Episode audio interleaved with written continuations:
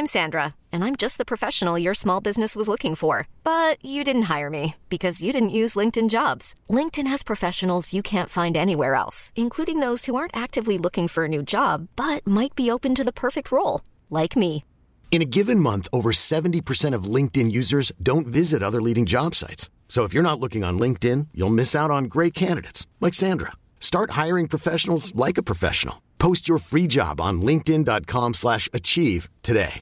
Imagine the softest sheets you've ever felt. Now imagine them getting even softer over time. That's what you'll feel with Bowl and Branch's organic cotton sheets. In a recent customer survey, 96% replied that Bowl and Branch sheets get softer with every wash. Start getting your best night's sleep in these sheets that get softer and softer for years to come. Try their sheets with a 30-night guarantee. Plus, get 15% off your first order at bowlandbranch.com. Code BUTTERY. Exclusions apply. See site for details.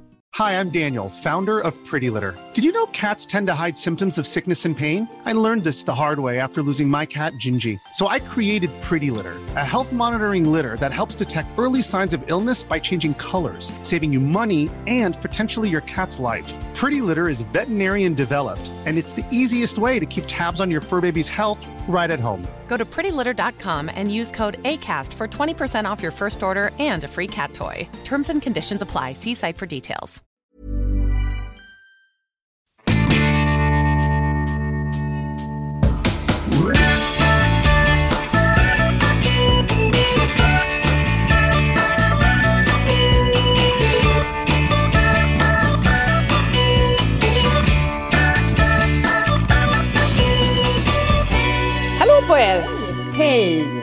Hallå, hallå. I, inte sjukstugorna va, utan en, en sjukstuga därav att vi, vi har fått skjuta upp saker lite grann. En riktigt hemsk sjukstuga, Ja. Anna. Fan vilken kräk och bajsfest vi kör alltså. Ah, helvete. Får man säga så? Ja det Ja, man. nej, det har varit, det har pågått. Man bara, är det klart nu? Du bara, nej, det är fan Hur inte många- klart. Hur många här, blev herregud, drabbade? Det är bara två, men det räcker och blir över. För som sjuka, jag har aldrig sett så sjuka barn som och Frans. De har kräkts och bajsats, alltså så, Oj, så mycket så att, oj, oj. ja, På sig liksom. på sig, överallt. Oh, wow. All Men over att inte ni andra blir På smittade. sig och på Anna och på golv. Alltså det är sådana där Ja, men det är så hemskt, så hemskt, så hemskt. Och Ja, det är jag så, ja. Det är därför jag vaknat på nätterna av att det stinker klorin. För att jag också har skurat så maniskt överallt. Tvättat Ja. och Du, skurat. gratis träningspass för dig då. Ja. Ja, verkligen. Men man kan inte ropa hej än. Jag kanske, jag kanske insjuknar ikväll. Alltså jag vet inte. Vi hoppas.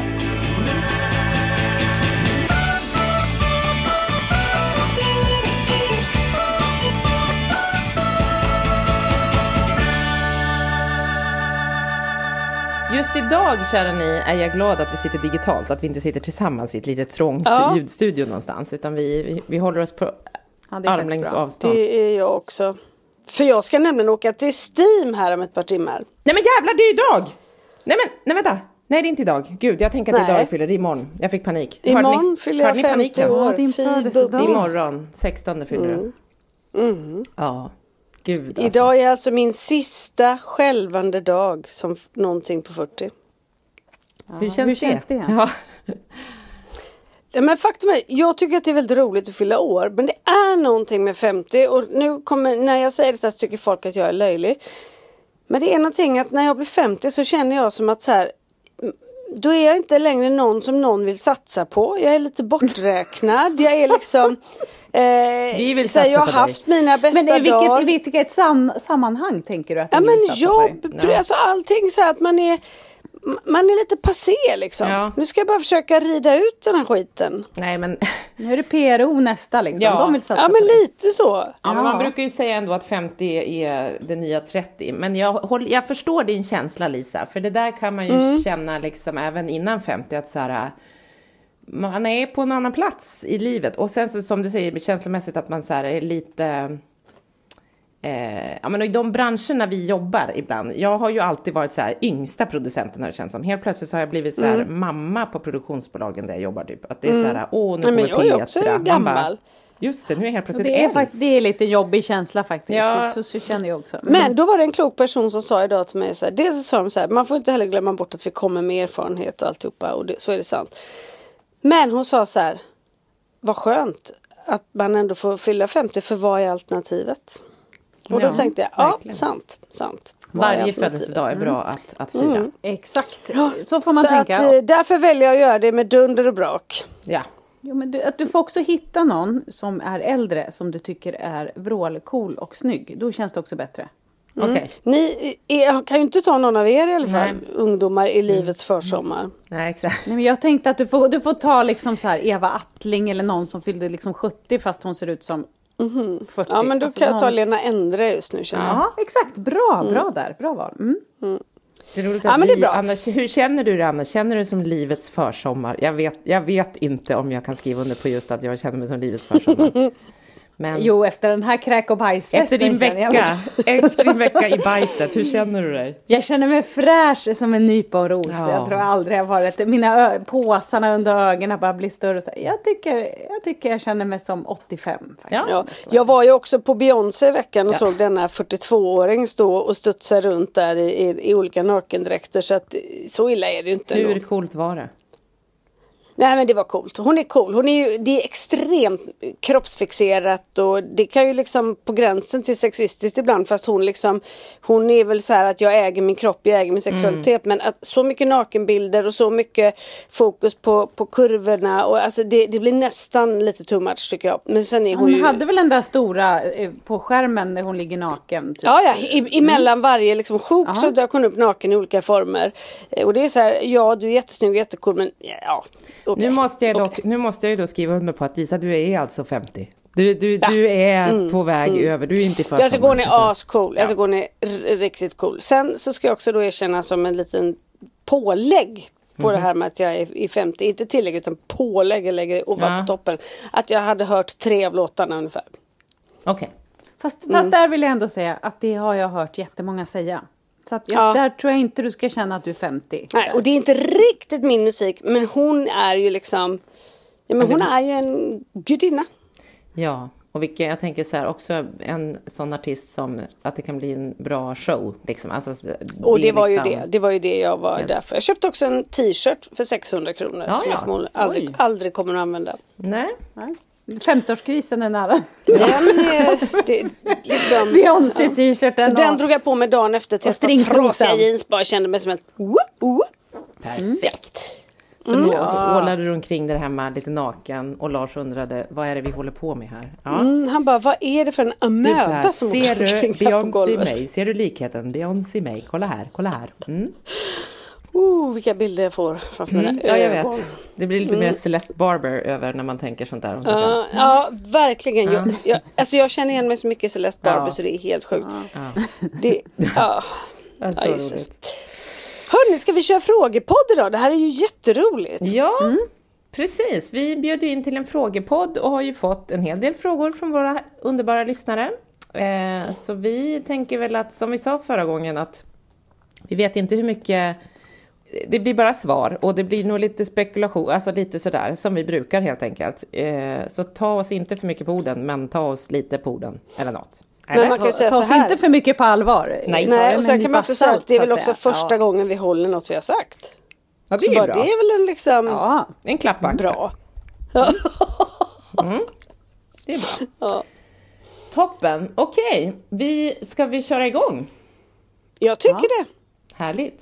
Finns inte så mycket att vänta på. Vem ska ta första?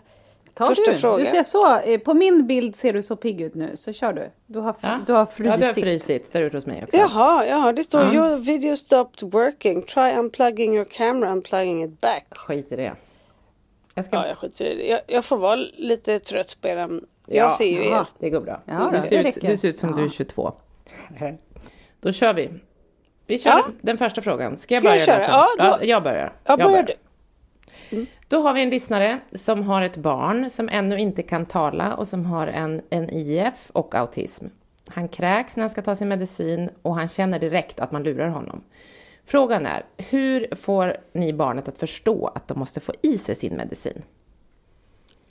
Lisa, du har ju haft ganska mycket krångel med medicin. Hur... eh, Ja, det har jag. För, för vi har ju en mamma till som då undrar hur man, som vill ha tips hur man får en sexåring med starka autistiska, autistiska drag. Och även eh, astma, hur man får i pollenmedicin. Melatonin funkar men inte de andra utan en massa mutor. Ja. Alltså jag, det här är ju en väldigt eh, speciell fråga. Eller liksom jag tror det är en fråga som är väldigt vanlig.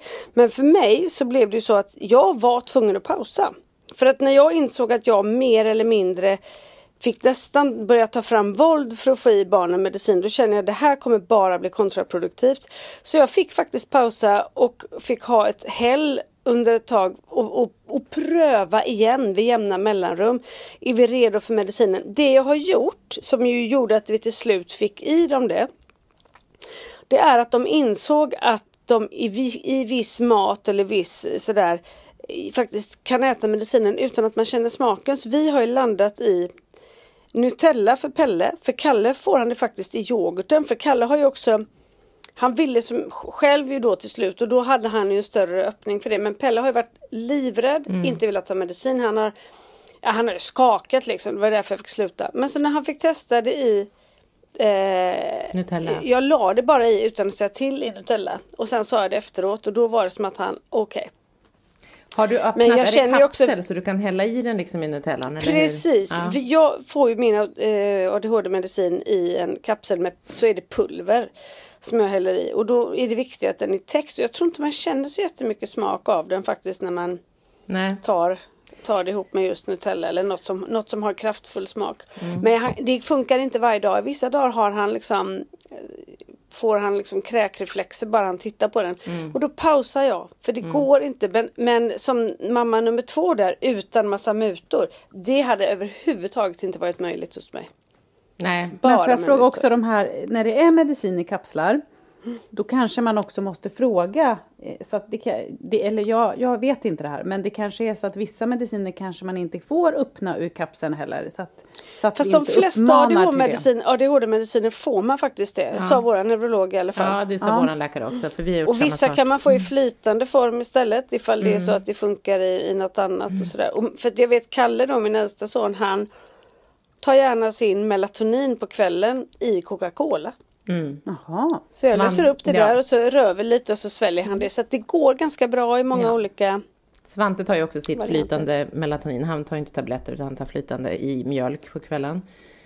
Ja. Men det som jag, jag tänkte på en sak att hon, när hon, den första mamman som säger att, att hennes barn har autism och IF, att så här, hur får man barnet att förstå att de behöver medicinen? Och det kan jag ju säga att just att få barnet att förstå håller jag ju på otroligt mycket med med Svante. Att så här, att det är liksom, man tycker man förklarar och man förklarar och man förklarar, men det är liksom som att det är så otroligt svårt att få dem att förstå. Eller liksom Ja. Mm. att så här, han har ju ångest för han vet att han måste ta den här TB-sprutan. Han har äntligen börjat förstå varför han... Men då är han nästan hellre så här så att han bara, jag struntar i att gå ut så jag inte blir biten av en fästing. Jag struntar i att leka med kompis. Alltså du vet, det blir så här, man bara, åh gud. Men det är bara Ja. så här. Och det är så svårt, eller så här, fast kan vi inte utrota alla fästingar? Att det, man bara, åh, det är så många, det är så svårt många gånger tycker jag att få dem att förstå Det- varför och det de är behöver precis det som du något säger, de inte våra gillar. barn är ju väldigt mycket så här, de, de tror ju på riktigt att så här, men vi, vi, vi, vi bara tar bort fästingar från världen. Ja, De, ja. I deras värld så, så kan det typ Varför vara kan man så. inte göra det? För, att, Mm. För Kalle så var det ju så att han till slut kände själv att han var arg. Han var så mycket arg och han kände hur det ställde till det för honom. Och då förstod han att andra barn i sin klass åt ADHD-medicin för att slippa det här humöret, slippa varje. Han hade också Mm. sett många situationer där de var arga och sådär. Så han kom ju till slut själv och, och, och sa att han ville ha medicin för att han inte ville vara arg. Mm. Och den skillnaden han kände av att få den gjorde att han blev väldigt liksom peppad. Men han är också 14 nu. Ja, Och det ja. tog sitt Ja, lilla, det, sin lilla tid. det Han tar var väl lite tid 13. innan de, innan de Ja. kan koppla ihop Och hon skriver det. att hennes barn kräks och det gör ju faktiskt Pelle också när han fryser medicinen. Och det är för att han är så äckelmagad. Så jag Mm. tror att lösningen måste vara att hitta ett livsmedel där han Mm. på riktigt inte känner det. För hon säger att han känner direkt när man lurar honom. Det gjorde Pelle också. Mm. Men till slut så var det då Nutellan. Där kände han det faktiskt inte. Och Alltså något de liksom- verkligen tycker är jätte, jättegott. Vi har försökt med så här hallonsylt. Svante älskar ju ketchup Mm. och ketchup tar bort väldigt mycket smak. Men det kan ju vara ganska äckligt att äta ren ketchup. Men, Ja. Men liksom försöka hitta något som verkligen kamouflerar smak. Det är ju, vi vet ju hur känsliga de är med liksom konsistenser och sånt så det här är ju jättesvårt. Men, men... Och så är det lätt att förstöra också. Pelle kan ju aldrig äta yoghurt igen för att jag Nej. försökte yoghurt för honom. Precis, det är sådär. det som är så Nej. jobbigt när man stoppar i glass eller yoghurt eller Mm. någonting och sen så Blir det bara det för mycket. förknippat med det liksom. Ja. Mm. För, det, alltså, för Frans sväljer ju tabletter, Mm. tack och lov. Och det förändrade ju jättemycket för då Ja. kan han ju ta Alvedon, allt kan han ju svälja Just då. det, just det. Men det tog ju tid och jag minns också när han var sjuk när han var mindre och så här har det ju varit med alla mina barn. Men när de har fått KVPNin. Alltså, Nej, men det går När inte. de har varit så här jättesjuka, de har haft liksom lunginflammation. Alltså hur kan man göra en Då antibiotika? kräktes de ju direkt. Länge. Ja, och man Jag fick inte i det dem funkar någonting. Inte. Nej, det funkar inte. Eh, Nej. Men Svante har ju också nu börjat såklart, eller, eller såklart, han sväljer ju också tabletter nu, vilket är fantastiskt. Men så det är i de här åren när de är mindre och, och det är svårt. Så att, men, men vi får väl både säga att försök att blanda, vi fattar att ni säkert har ju försökt med allt sånt. Eh, och så försöka förklara i så gott det går liksom. Men Och går det inte så ta en paus och testa igen. ta en paus om Ja, det jag tror går också på att man kan inte pressa för mycket. Ja, det För det, det för blir ju för krävande för alla. Ja. Ju. Men sen så tror vi så här, massa mutor, ja tyvär så är det nog det också. Ja, hot och mut är vår Ja, uppfostringsmetod ja, här. Exakt, hot och muta. Ja, Ja, ska vi gå vidare till nästa fråga? ja. Anna, ska du eller jag läsa den? Jag kör du. Ja, då har vi en annan mamma som har en, egentligen mer en undran än en fråga säger hon. Och då säger hon så här, de råd man får från habiliteringen utgår ofta från att man har ett barn. Hur ska man hantera det och göra träning och ha lågaffektivt bemötande och så vidare när man har flera barn? Det är svårt att stå och vara lugn och vänta in medan barnen halvt slår ihjäl varandra. Jag tycker den här frågan är helt underbar för att Ja. det är vad vi själv brottas med hela tiden. Ja. Man kan ju inte säga bara in snälla och lugna Nej. ner dig lite nu och Pelle kan du lägga undan kniven som du har tagit i lådan? Nej. Nej, där, är den är svår. Den är An- svår. Anna, du som har så många barn, vad säger du? Ja, den, den är jättesvår. Ja, men, jag, nej, men det här tycker jag blev så uppenbart för oss när vi gjorde sån här IBT-träning med Frans. För att många av de här sakerna som de sa att vi skulle träna och framförallt handlade det ju om när vi skulle träna bort problembeteenden. Till exempel det här med att Frans petade i ansiktet och, och, och var så intensiv. Då skulle vi, då fick ju vi en sån här sån här man knäpper med, som en knapp som man har. Som, Som man en knäpper, klicker, ungefär alltså som hund. En en hundklicker liksom. Exakt, en hundklicker. Och då så skulle han få den och så skulle man, han var ju väldigt liten när, när vi fick det, alltså det här, han var ju tre år. Då skulle han få den, han skulle alltid ha en sån på sig. Man skulle se till att det satt den på hans byxor överallt. Han skulle alltid ha en sån. Och så fort han klickade så skulle man ge honom full uppmärksamhet. Och för att träna in den här så skulle man alltid börja med att när han klickade skulle man typ killa honom, jaga honom, göra någonting som var roligt. Och så skulle, på så vis skulle han förstå att klickar jag så får jag uppmärksamhet. Vilket då skulle leda till att han inte skulle pilla i ansiktet och annat. Men och då var det också så här, då sa de så här, och då måste ni göra, så fort han klickar, då får, ni får släppa allt ni har. Och då var jag Holly liksom liten. Om jag står och byter blöja på Holly på skötbordet och så Spring klick, därifrån. Ska jag lämna bara? Alltså, så, och då kände vi så här, men det här är jättebra råd och tips och funkar ju säkert om man bara har ett barn. Men det är ju helt omöjligt annars, det går ju inte. Nej. Eh, så att jag tror, det, Men är inte många det lite klassiskt liksom- också att det ofta kommer råd ifrån folk som, förlåt att jag säger det, kanske inte ens själva har barn med särskilda behov. Och där man tänker på barnets bästa och det är fantastiskt men vi lever ju ett liv med fler ingredienser liksom. Så det är ju svårt.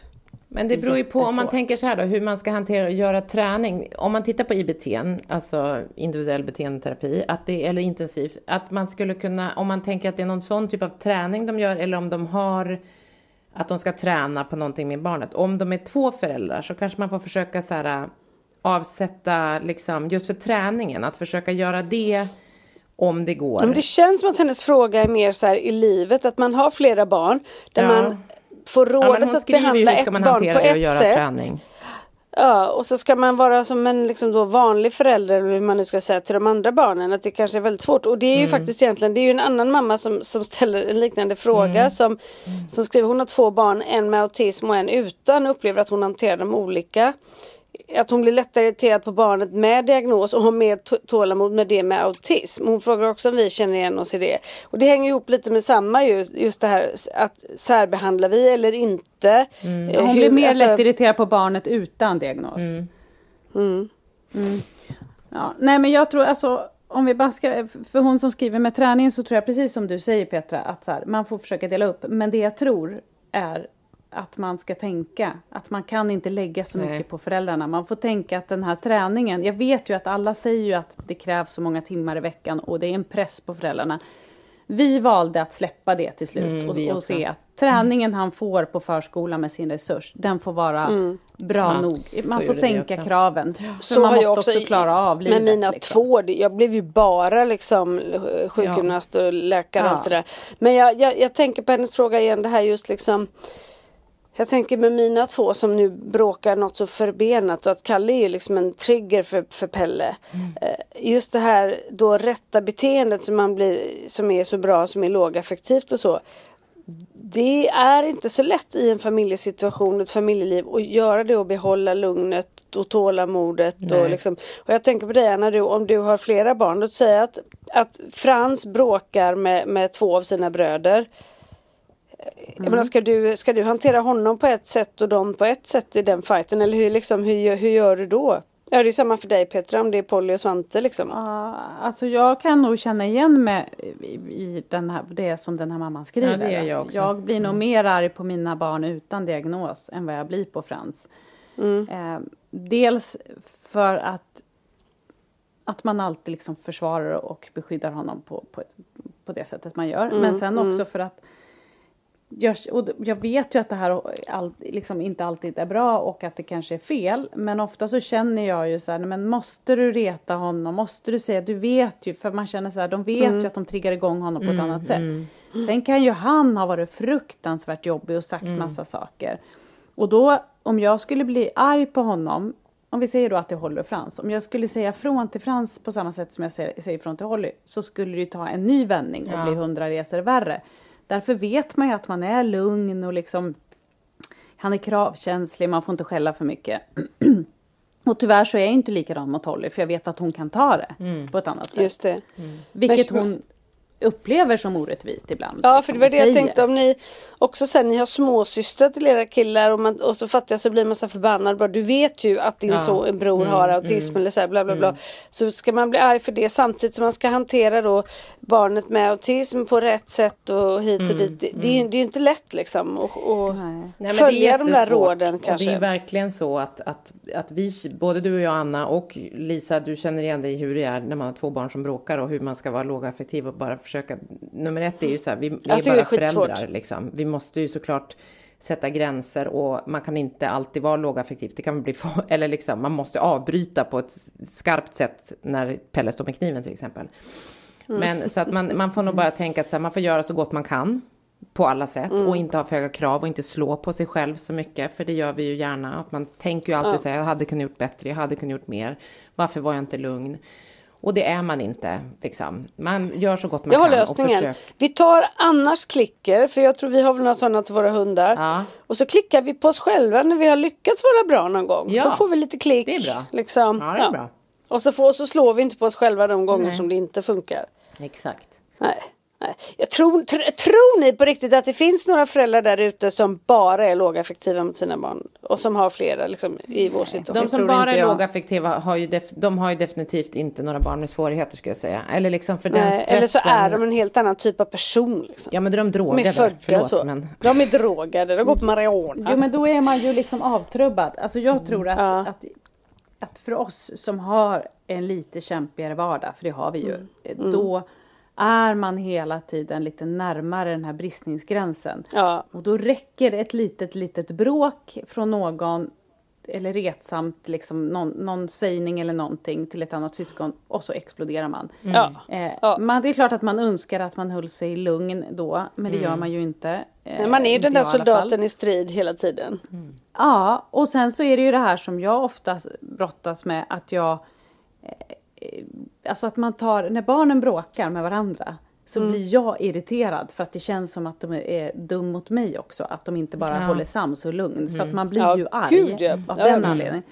Och det vet jag ju att jag såg någon psykolog på Nyhetsmorgon för flera år sedan som sa att syskonbråk, då, man ska försöka tänka att det är inte mig de bråkar med, så ska man vara en, en, en neutral förmedlare i mitten. Så är inte jag, även om jag skulle vilja vara det. Men lätt, när man också är högkänslig och det bara lägger sig som en liksom vibration i Ja, Ja, exakt. Men jag, jag Mm. lyssnade faktiskt på en, jag sätter den här för den piper i öronen. Jag lyssnade faktiskt på en, en, en podd i morse, Dumma människor, med eh, Lina Thomsgård och en, en psykolog och författare som har den podden. Och då pratar de om syskon. Och då pratar de om, eh, och då tänkte jag på er och jag tänkte på oss och jag tänkte på alla föräldrar men, men liksom på att, att just också vara syskon. Det här, det här avsnittet handlar bara om syskon liksom. Hur viktiga syskon är och vad bra bla bla bla och så vidare. Och då tänkte jag så här, gud vad bra, för då var de så här, det är så att ha ett syskon, att man lär sig så otroligt mycket av konflikthantering, alltså alla de här småbråken och social träning. Och då tänkte jag på Polly och Svante jättemycket då. Att, här, att, att de har varandra är liksom allt ifrån konflikter till att de måste prata, till att de måste försöka ibland vänta på sin tur. Att de åtminstone får höra att så här, du måste försöka, alltså utveckla dem jättemycket. Så alla de här bråken utvecklar de här syskonen jättemycket trots att det är liksom skitjobbigt när de gör det. Och det är, man blir ju galen. Det är inte så att jag tänker så här, gud vad bra nu bråkar de, nu blir de så utvecklade. Nej, men, och det, barn." var, det var ju precis det som hon sa på Nyhetsmorgon, det Ja. där att man ska som förälder, att det är en viktig del i deras utveckling och just det här konflikthantering. Så att man istället ska ge de rätta verktygen att lösa det. Men min lösning är ju att jag ställer mig i mitten och skriker sluta bråka! Ja, ja, och så blir jag arg på båda liksom. Varför Eh. gör ni så här mot mig? Skulle Ja. jag till Ja, också. ja, men för det känns ju som att de har bestämt sig för jävlas med mig. Fast Ja. Det fattar ju jag ju också att de inte har. Men ehm, ja, det, man, man kan ju försöka tänka på det då. Att det är utvecklande och bra och att man försöker inte ta det personligt. Ja. Se om vi klarar det. Mm. Och så gör man så gott man kan. Jag, jag kastar in en fråga till här i Mm. det vi håller på med. För jag vet att bägge ni två har hållit på med sån här IB3-träning. Vi kom ju Mm. aldrig dit vi ens fick veta vad det var. Men då är det en mamma som undrar hur ni känner så här i efterhand gällande den träningen. Skulle ni hoppat på det om ni visste det ni vet nu? Eh, ja, jag skulle ha gjort det igen. Ja, men jag Men sen skulle ska också, jag ha också gjort villigt- det. Mm. Ja, jag ska villigt erkänna att vi gjorde ju inte 40 timmar i veckan eller vad det nu var. Vi, vi Vem ska hinna in det? med det. Förlåt. Nej, men det går ju inte. Så att vi valde att liksom lägga det på, på förskolan. Sen så hade vi det Ja. inte så bra på förskolan. Det var ju perioder då vi inte hade resurs. Kan inte ni bara kort berätta vad tycker- IBT-träning är? För jag vet inte ens det. Det heter, eh, alltså man kan, det kan vara TBA eller IBT, alltså tillämpad beteendeanalys eller IBT betyder väl intensiv beteendeterapi. Beteendeträning. Mm. Och det handlar om att du ska lära barnet att vilja kommunicera i princip, är det som är det viktigaste. Det är det som den där klicker då tänker jag att den gör, att man ska se ett värde i att kommunicera, se ett värde i liksom, det var ju så här, ja de första... Lära sig att lära. Lära sig att göra. lära. Lära sig Mm. att härma och Ja. Liksom. Så det är kommunikation och som, lärande. som då liksom. typ andra barn liksom föds med kan man säga. Men Ja, det här exakt. behövs tränas in. Mm. Till exempel, vi hade en bra grej som, som till exempel var eh, för det var ju också det här sociala. Vad säger man till någon när man vill ha kontakt? Det kan vara en Ja. svår grej. Och, Ja. och som sagt, Frans var ju liten när vi gjorde det här. Men då var en övning att man skulle säga så här. Eh, jag har en, en rosa tröja. Ja. Och så svarar då Petra, jag har en svart tröja. Mm. Eh, för då får man igång en kommunikation. Och den lät ju jättefånig. Men så hade vi tränat den. Nej, och sen så kom en kompis hem till mig. Eh, och så Frans är ju social men han, liksom, han har ju sin språkstörning och pratade ju inte så mycket då. Men då så tittade han, sa han hej och så tittade han på den och så sa han så här. Helena, jag har en blå tröja. Och då började jag ju nästan gråta. För att då fattar man ju så här, den här funkar ju. Det låter konstigt men det funkade ju. Ja. Då, hon, bara, hon visste ju inte att det var en, liksom att vi hade tröja. Så hon var så här, ah vad fin, ja men jag har ju en. Och så sa hon vad hon hade liksom. Och så började de prata om det. Det var ju liksom en grej, men sen så var det ju mycket, mycket härma. Att man, vi sa ofta så här, man, man hade övningar som var man kunde säga gör så och så kunde jag peka på näsan. Mm. Och i början då fick man föra hans finger till näsan och så fick man applådera och ge beröm. Alltså som hundträning. Det var ju mycket Alltså hade jag gjort det där med mina killar, de hade ju bara gått. De hade aldrig ställt upp på det. det låter ju inte helt lätt liksom. Ja, men man Även hade ju på riktigt hade man ju i början, alltså apropå mutor så var det ju så här, här mutar vi. Alltså så här, vi hade ju påsar Mm. med små kex och det kunde vara popcorn och det kunde så fort. Jättesnabb precis som en hund, belöning, ska direkt du in i få munnen. Liksom, som en hund. Ja Ja. Så det kunde vara godis. Alltså i början var det ju också, Svante i början var det ju typ att att man tog fingret mot näsan, alltså jag fick föra det och så bra och så in med en godis typ eller vad det var. Ja, alltså, så okej. att det, som det du låter tränar ju. verkligen som att uppfostra en hund måste jag säga. Ja men det är hundträning skulle Ja jag men det säga. var det. Jag, det var verkligen det. Jag, jag, vi hade på precis samma sätt som Diana att vi fick inte heller ihop och Svante var ju inte motiverad att sitta att göra massa olika test eller liksom hålla på och träna sådär. Men däremot så försökte vi implementera så mycket som möjligt av det vi lärde oss i vardagen. Att så här, när vi skulle, man skulle äta middag eller man skulle laga, att man så här, försökte tänka på de övningar man hade fått och försöka få in dem i hur vi lever och vad vi gör och då se vissa saker som träning. Att man så här, är tydligare i vissa vardagssituationer till exempel. För att känna att så här, det här får bli hans träning hemma vid och så tränar han på förskolan och så gick vi på de här mötena en gång i veckan på autistcenter där vi gick. Men en sak som jag tyckte var spännande som jag också tog med mig både till min släkt, till mig själv och till liksom alla runt omkring att något som var så här, ni får inte ställa frågor till Svante. För det är vi alla, Nej. när vi kommunicerar, för en fråga är ett krav på ett svar. Och det liksom eh, främjar inte kommunikation för någon som inte vill kommunicera. Vilket gör att så här, om man tänker på hur man pratar, så här, hej hej hur mår du idag, vad har du gjort? Alltså hela tiden ställer man frågor. Så det här var jättenoga Mm. och, och, så här, jag kommer ihåg när så här farmor kom på besök och mormor, att man bara ställer inga frågor och hur svårt det är för oss människor Mm. att inte ställa frågor. För då kommer man bara tystna ännu mer. För Svante var ju, ville ju inte kommunicera alls i princip när han var liten med någon annan än oss liksom.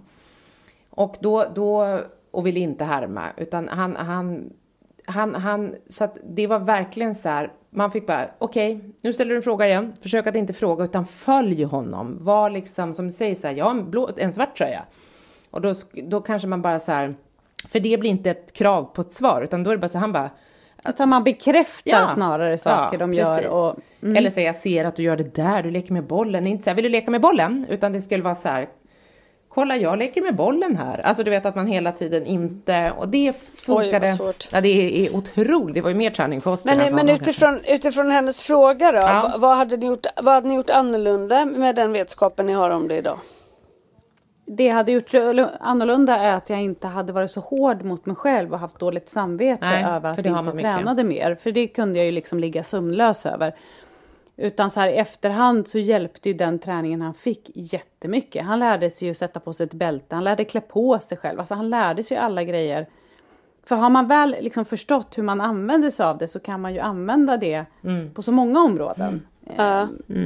Så att jag tycker att, ha inte för höga krav. Det är ju lätt, men man, måste, man får inte glömma att man är förälder. Liksom. Det är...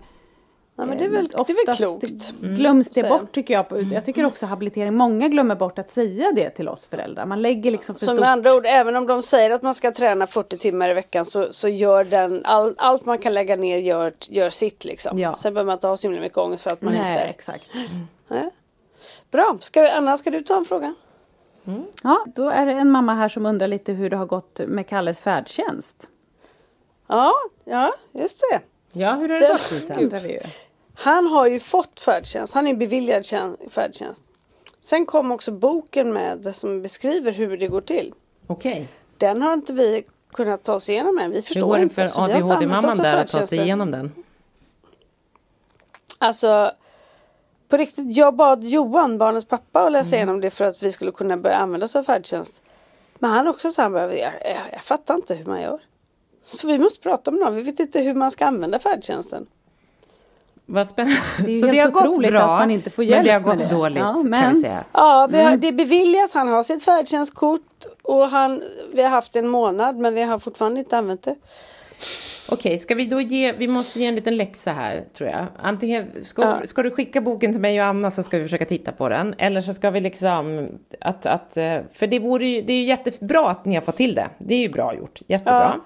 Om det är någon mamma där ute som har barn med färdtjänst. Kan ni hjälpa mig, Lisa? Hjälp mig, hur gör jag? Måste jag koppla något kort?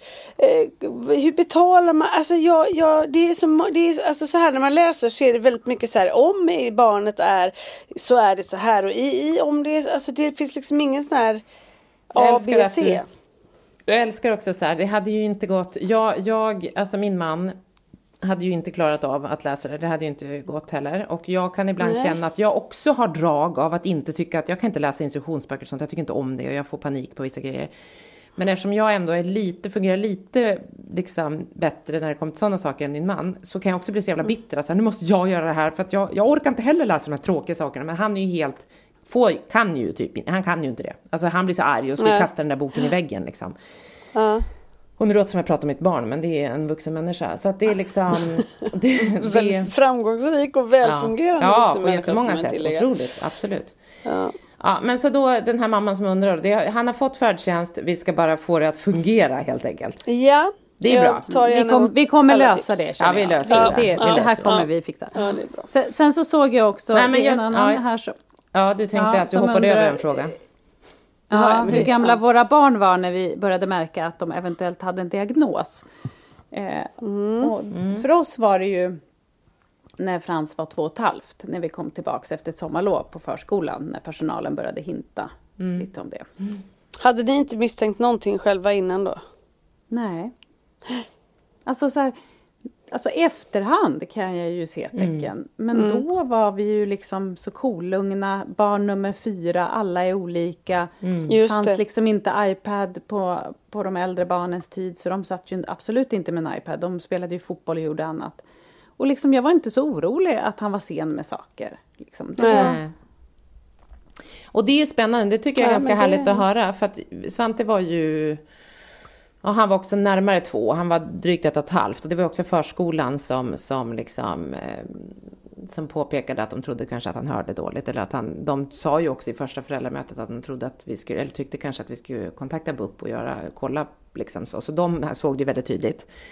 Och vi hade väl, alltså så här, eh, Svante gick väldigt tidigt. Han var ju liksom fysiskt liksom växte som man skulle. Tyckte att han sa några ord i början, du vet så. Men sen så var det väl kanske från strax efter ett, ett och ett halvt att så här. Eh, nej, vi hade ju inte heller märkt, men jag har också varit så här då känt så här, gud, det var vårt första barn, så vi visste ju ingenting. Men det är ju, därför tycker jag det är lite uppfriskande att du säger Anna, som det var ert fjärde barn. Och att man ändå så här, alla är olika, att det är svårt att faktiskt veta vad som är vad liksom. Så att det är, Men det är ofta kanske i förskolemiljö, för det var väl lite samma er Lisa, att det var förskolan som uppmärksammade liksom. Ja, det var det. Och jag. Det var ju Mm. Pelle var Pelle var väl ett och ett halvt va? Och då var ju Mm. Kalle närmare tre. Mm. Och då så hade, alltså det var ju någonting i mig som kände någonting. Mm. Och då så sa jag detta på förskolan. Mm. Om och var ju Kalle. helt om, nej det var nog om Ja jag vet inte, jag kommer inte ens ihåg vem utav dem det var. Men som jag nämnde det om. Men då vet jag att jag, det jag var helt inställd på det var ju att den jag sa det till skulle säga nej. Men Ja. det gjorde hon inte. Nej. Utan hon sa men om det skulle vara någonting så har de ett bra liv i alla fall. Och det var ju liksom, det var ju skottet i pannan på mig. Ja. Som sagt, och då var de ett och ett halvt och tre. Men ett, jag, ja. Men man, tror... men det är som ni säger också när man ser tillbaka så kanske man hade fått Ja. liksom andra indikationer tidigare. Men Ja. det är ju en helt annan sak än vad man verkligen där och då såg. Sen var det ju liksom en lång tid av där man ville ha det här nej, bekräftande nejet hela Mm, tiden. Men de kommer ju med allt l- längre Mm. eh, mellanrum så att säga. Men så någonstans vid två, tre års ålder kan man väl säga att, att kanske både vi och folk runt omkring började liksom uppmärksamma det, eller liksom. Ja, och jag tror hade man haft kunskap kanske man hade sett det tidigare. Men det var också skönt att man inte gjorde det för vi är ju liksom Ja mammor. Och det vill man ju få, man vill ju få vara den här mamman så länge det bara går innan oron tar över för det, det, det tycker jag i alla fall att det var ju ett par år som försvann av ett fint föräldraskap som gick åt till oro och diagnossättning och, och, och en, eh, en oms- omställning i huvudet på en själv och liksom allt sånt. Och den pågår väl i och för sig fortfarande. Ja. Men, Kommer och går. men, ja. Men sen tror jag också så här, ja, att man skulle ha andra ögon idag. Men jag vet ju eftersom Holly var nyfödd när vi höll på med Frans utredning och när vi inte visste.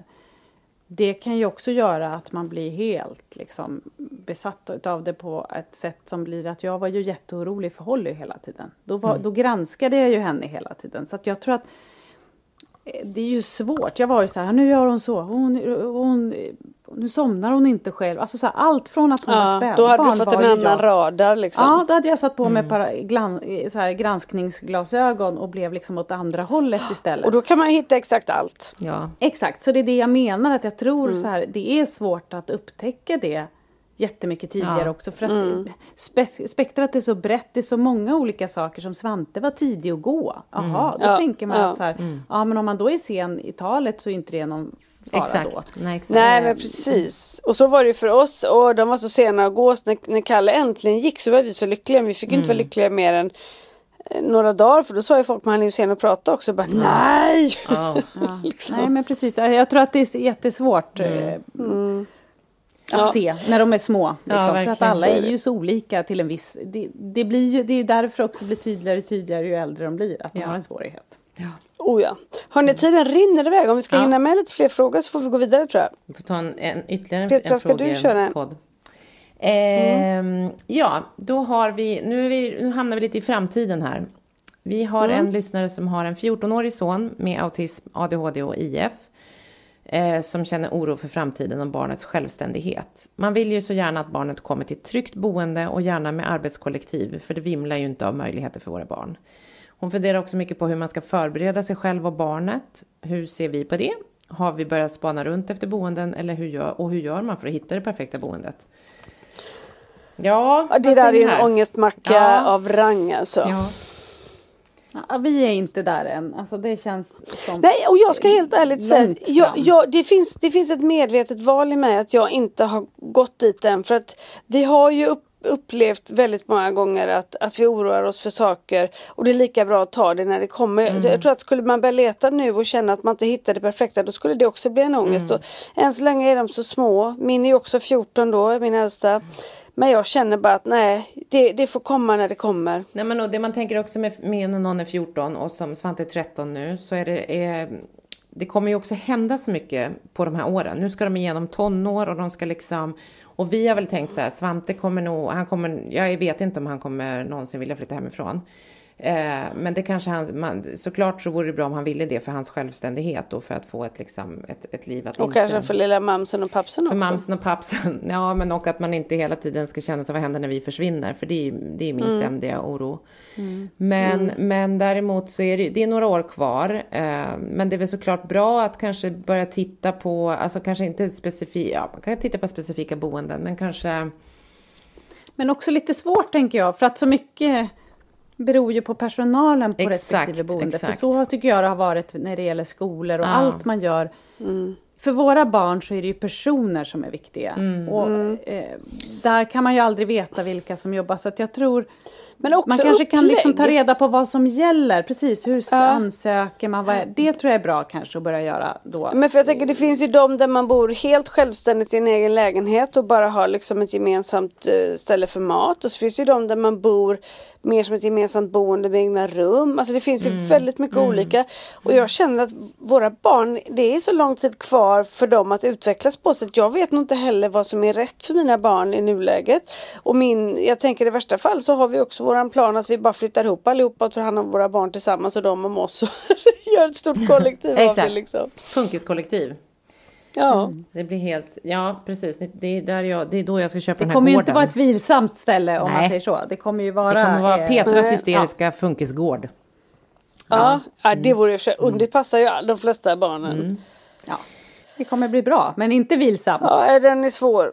Ja men den är svår och den är ju ångestig och det är också så här självständigheten. Man tänker också, jag tänker också på mycket så här sysselsättning. Att våra barn ska få ett värdigt liv. Mm. Bara inte i så här, vart ska de bo utan också så här, vad ska de göra? Hur ska de kunna känna att de är med och bidrar till samhället och är en del av samhället. Liksom att de också får liksom en trygghet och en styrka i att faktiskt de är viktiga för någon annan, inte bara liksom att så här, så det är ju en jättestor del tänker jag och det, och det är ju Ja, jättesvårt. för mig och är det ju en bauta del att Kalle är så otroligt inställd på att han ska ha barn. Ja. Mm. Gifta sig och skaffa barn. Och den är så här, ja.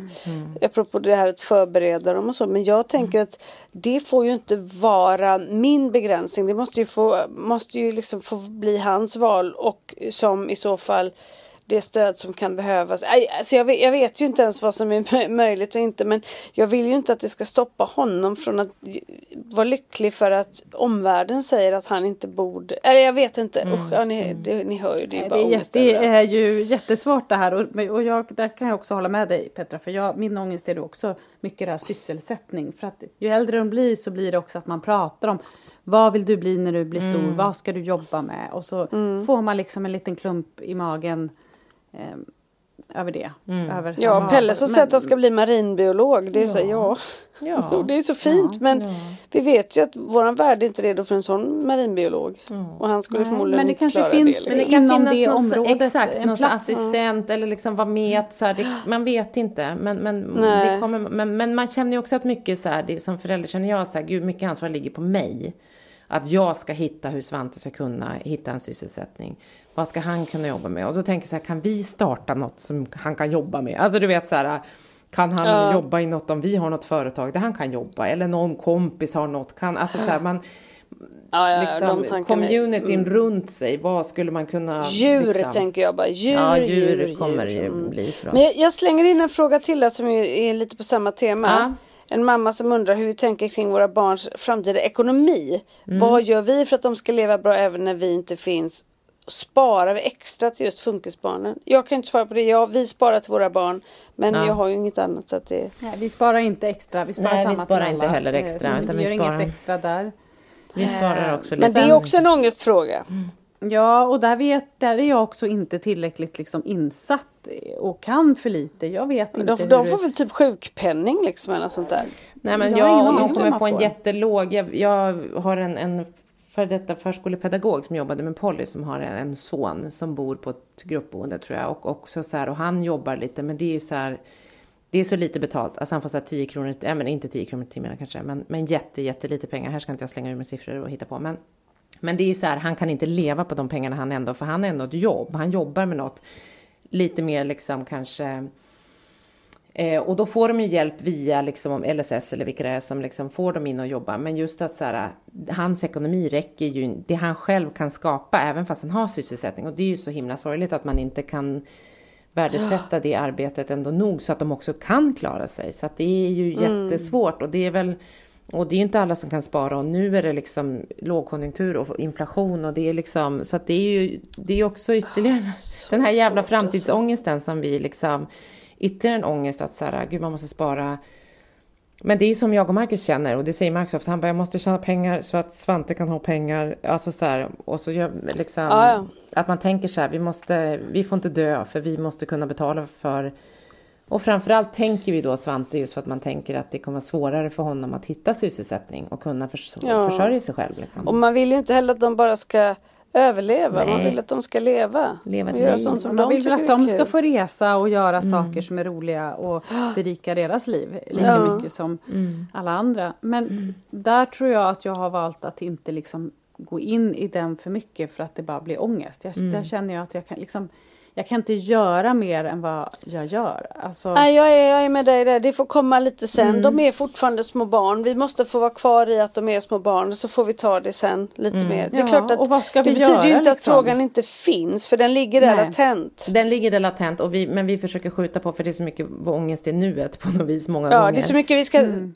reda ut innan. Så man får helt enkelt bli bättre på Och att alla har ju inte det möjligheten att spara mycket som helst. Alltså hade man haft det så hade man väl gjort det då, Ja. tänker Ja. jag. Alltså, och där känner jag att man är inte ensam om det. Vi är ju ganska många som inte har råd. Det får ju, att liksom De får ju ärva oss också om det finns något att ärva. Om det finns något där va? Men jag tänker den här mamman då att jag, jag, jag, jag, för det kan ju vara så att hon är lite som när Anna när du fick, när Frans fick sin diagnos eller när de, att, eller att så här, man vill ha svar, man måste få söka upp information och då kan man väl titta Exakt. Söka på lite boenden, kolla det kanske finns Ja. liksom på Youtube, det kan finnas informationsfilmer, det kan finnas liksom, man kan kolla på de här olika, alltså försöka såklart söka. Det kan finnas dokumentär, alltså så man skapar sig en bild om man vill det för att det ska kännas liksom tryggt för en själv att så här, jo men jag har åtminstone skapat mig någon uppfattning om hur det skulle kunna bli liksom. Så kan ju det vara bra. Men jag tror att vi får göra en frågepodd till tjejer. För Lisa du ska Ja, iväg och filma det. Vi vidare. får Vi, har några här. frågor kvar och vi Ja, det tänker att vi vi ska göra. svara Men, på men dem. ja, det finns en fråga till som Jaha. jag skulle vilja svara på. Och det är den sista frågan. Som det Ja, står på pappret. den tycker vi avslutar med. Ja, ja, ja. Ja, den, kan, den får en, du svara en på. mamma ja. med en väldigt relevant fråga. Hon frågar När blir den utlovade funkisträffen hos Lisa? Ja. Vet du vad det bästa är? Att det är du som har lovat den här Lisa. Det hade kunnat vara lika bra om Peter hade Ja gjort det är den det. också. Och jag vill definitivt hålla det och jag skulle vilja säga att Är den inte det sensommar? Eller Vad typ skulle ni säga om augusti Nej, eller men jag september? vill bara säga att det är så bra att ni som bor på öar har lovat det här. För det är jävligt svårt att ta sig till er Det om är man Men, men. Anna och Petra, är ni med mig om jag säger Ja. att vi, vi, vi kör en funkisträff på Storholmen i slutet av augusti, början september? Ja. Ja, Och det går färja till Storholmen från både från Ropsten och från Lidingö och, och till Ropsten kan man åka tunnelbana för de som är i Stockholm eller vill ta sig till Stockholm. Så det funkar Ja, bra. och, och bor man i, i annars del av stan så går det ju färja från Ekudden. Ja, exakt. Täbyhållet där så. Så det vore faktiskt himla roligt och då ska vi fundera på om man får, ska vi också, ska det vara med eller utan barn? Ska det vara Utan barn. jag tycker utan barn Jag första tycker också utan barn. Vi, vi, måste, vi, vi måste börja liksom vila upp oss lite. Det är Hämta energi. helt enkelt. Ja, och så tar alla med sig lite vin eller någonting Ja. och så fixar vi lite snacks Ja. och så sitter vi och myser. Det blir toppen. Det är väl bra? Vi avslutar helt enkelt del ett av våran frågepodd då, så kommer det en till frågepodd. Vet inte om det kommer nästa gång eller om det kommer om några avsnitt helt enkelt. Nej, och om det är så att folk har fler frågor, skicka in dem så Ja. kanske vi får en spark, spark Ja. och köra frågepodd ganska snart igen. Ja, Då får vi, så får vi en riktig spagge eller vad så. en spagg i Ja, arslet sa hon, eller, så eller hur? eller, så ni- eller så ger ni oss sparken, Spark. det är vilket ni vill. Alltså jag är inte säker på det där med spagg i arslet, men den får du stå för Lisa. Vi säger tack och hej från Funkismorsor. Ja, tack ska ni ha. Tack, tack. Puss, Puss, puss. Hej.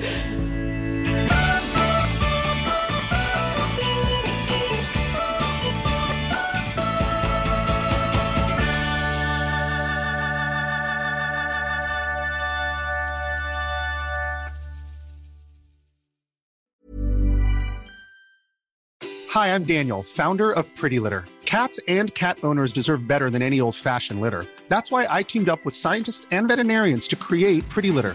Its innovative crystal formula has superior odor control and weighs up to 80% less than clay litter. Pretty Litter even monitors health by changing colors to help detect early signs of potential illness. It's the world's smartest kitty litter. Go to prettylitter.com and use code ACAST for 20% off your first order and a free cat toy. Terms and conditions apply. See site for details. Imagine the softest sheets you've ever felt. Now imagine them getting even softer over time. That's what you'll feel with Bowl and Branch's organic cotton sheets. In a recent customer survey, 96% replied that Bowl and Branch sheets get softer with every wash. Start getting your best night's sleep in these sheets that get softer and softer for years to come. Try their sheets with a 30-night guarantee. Plus, get 15% off your first order at bowlandbranch.com. Code BUTTERY. Exclusions apply. See site for details. Hey, it's Paige DeSorbo from Giggly Squad. High quality fashion without the price tag. Say hello to Quince. I'm snagging high-end essentials like cozy cashmere sweaters, sleek leather jackets, fine jewelry, and so much more. With Quince being 50 to 80% less than similar brands. And they partner with factories that prioritize safe, ethical, and responsible manufacturing. I love that. Luxury quality within reach. Go to quince.com slash style to get free shipping and 365 day returns on your next order. Quince.com slash style.